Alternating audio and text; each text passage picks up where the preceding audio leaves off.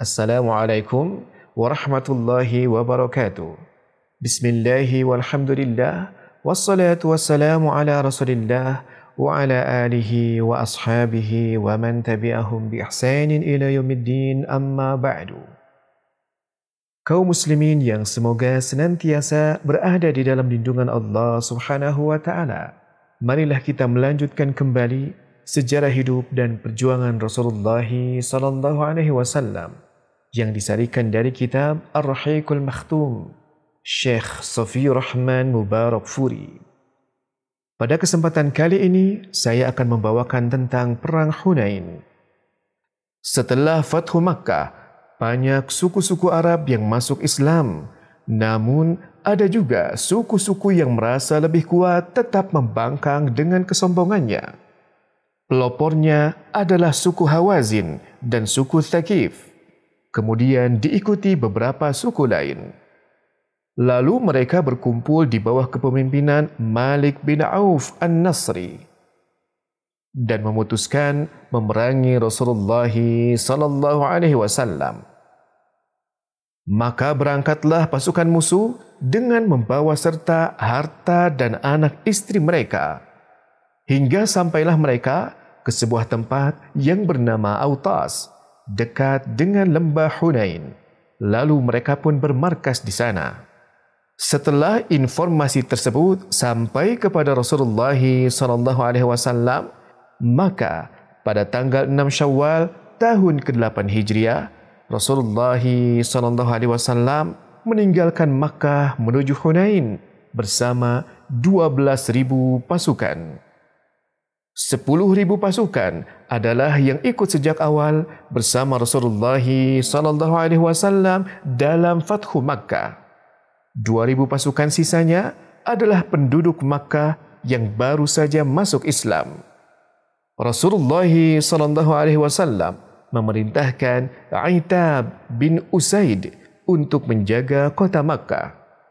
Di tengah perjalanan menuju Hunain, mereka melihat pohon yang besar dan rindang yang disebut Zatu Anwat yang artinya pohon yang memiliki kaitan.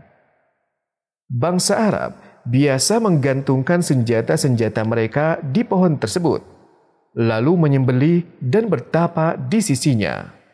Maka sebagian tentara Rasulullah wasallam ada yang berkata, Ya Rasulullah, jadikanlah untuk kami Zatu Anwat sebagaimana mereka memiliki Zatu Anwat. Maka Rasulullah sallallahu alaihi wasallam bersabda, Allahu Akbar, demi Allah, apa yang kalian katakan adalah seperti perkataan kaum Nabi Musa. Jadikanlah bagi kami sembahan-sembahan sebagaimana mereka memiliki sembahan-sembahan. Kemudian Rasulullah sallallahu alaihi wasallam bersabda, "Sungguh kalian adalah kaum yang tidak mengetahui. Sesungguhnya itu adalah ajaran orang-orang terdahulu yang sesat. Niscaya kalian selalu mengikuti ajaran-ajaran sebelum kalian." Kemudian Sebagian pasukan juga ada yang berbangga-bangga dengan jumlah kaum muslimin yang banyak jumlahnya. Mereka berkata, kali ini kita tidak akan terkalahkan. Hal tersebut terasa membuat Rasulullah sallallahu alaihi wasallam gusar. Dan benar saja, ketika kaum muslimin tiba di lembah Hunain tanggal 10 Syawal, di lembah Hunain Ternyata pasukan musuh telah lebih dahulu menguasai tempat tersebut dan memasang perangkap di sana seraya menghujani pasukan kaum muslimin dengan panah sehingga membuat pasukan kaum muslimin bercerai-berai. Rasulullah sallallahu alaihi wasallam agak menyingkir ke sisi kanan kemudian berkata, "Wahai pasukan, segera berkumpul kemari saya Rasulullah, saya Muhammad bin Abdullah. Namun tidak ada yang menghampirinya, kecuali sedikit dari kalangan muhajirin dan ahlul baitnya. Saat itu, tampaklah keberanian Rasulullah sallallahu alaihi wasallam yang luar biasa. Ketika beliau mengarahkan kudanya menghadap kaum kafir seraya berkata, Ana nabiyyu la kadhib. Ana bin Abdul Muttalib. Aku adalah nabi yang tidak berdusta. Aku adalah anak keturunan Abdul Muttalib. Kemudian Rasulullah sallallahu alaihi wasallam memerintahkan pamannya Abbas yang memiliki suara yang keras untuk memanggil pasukan kaum muslimin. Maka dengan suara yang paling keras, Abbas memanggil mereka. Satu demi satu pasukan pun berdatangan. Dan kini, pasukan kaum muslimin menjadi kuat kembali dan siap menghadapi pertempuran. Maka mulailah mereka masuk ke medan pertempuran menghadapi pasukan lawan. Hingga tidak berapa lama kemudian pasukan musuh berhasil ditundukkan. Di mana terbunuh dari Thaqif sekitar 70 orang. Lalu harta pedang dan hewan mereka diambil oleh kaum muslimin.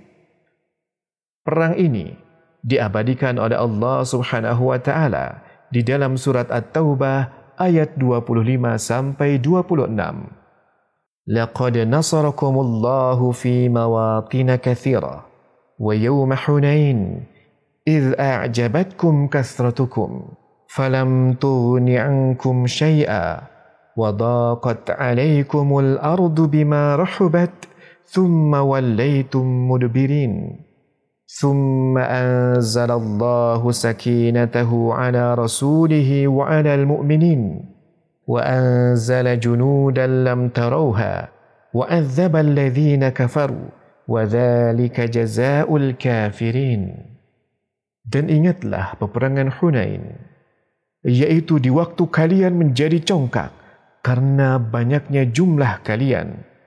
Maka jumlah yang banyak itu tidak memberi manfaat kepada kalian sedikit pun.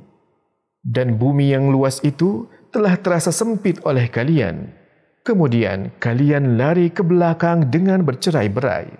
Kemudian Allah menurunkan ketenangan kepada Rasulnya dan kepada orang-orang yang beriman. Dan Allah menurunkan bala tentara yang kamu tidak melihatnya.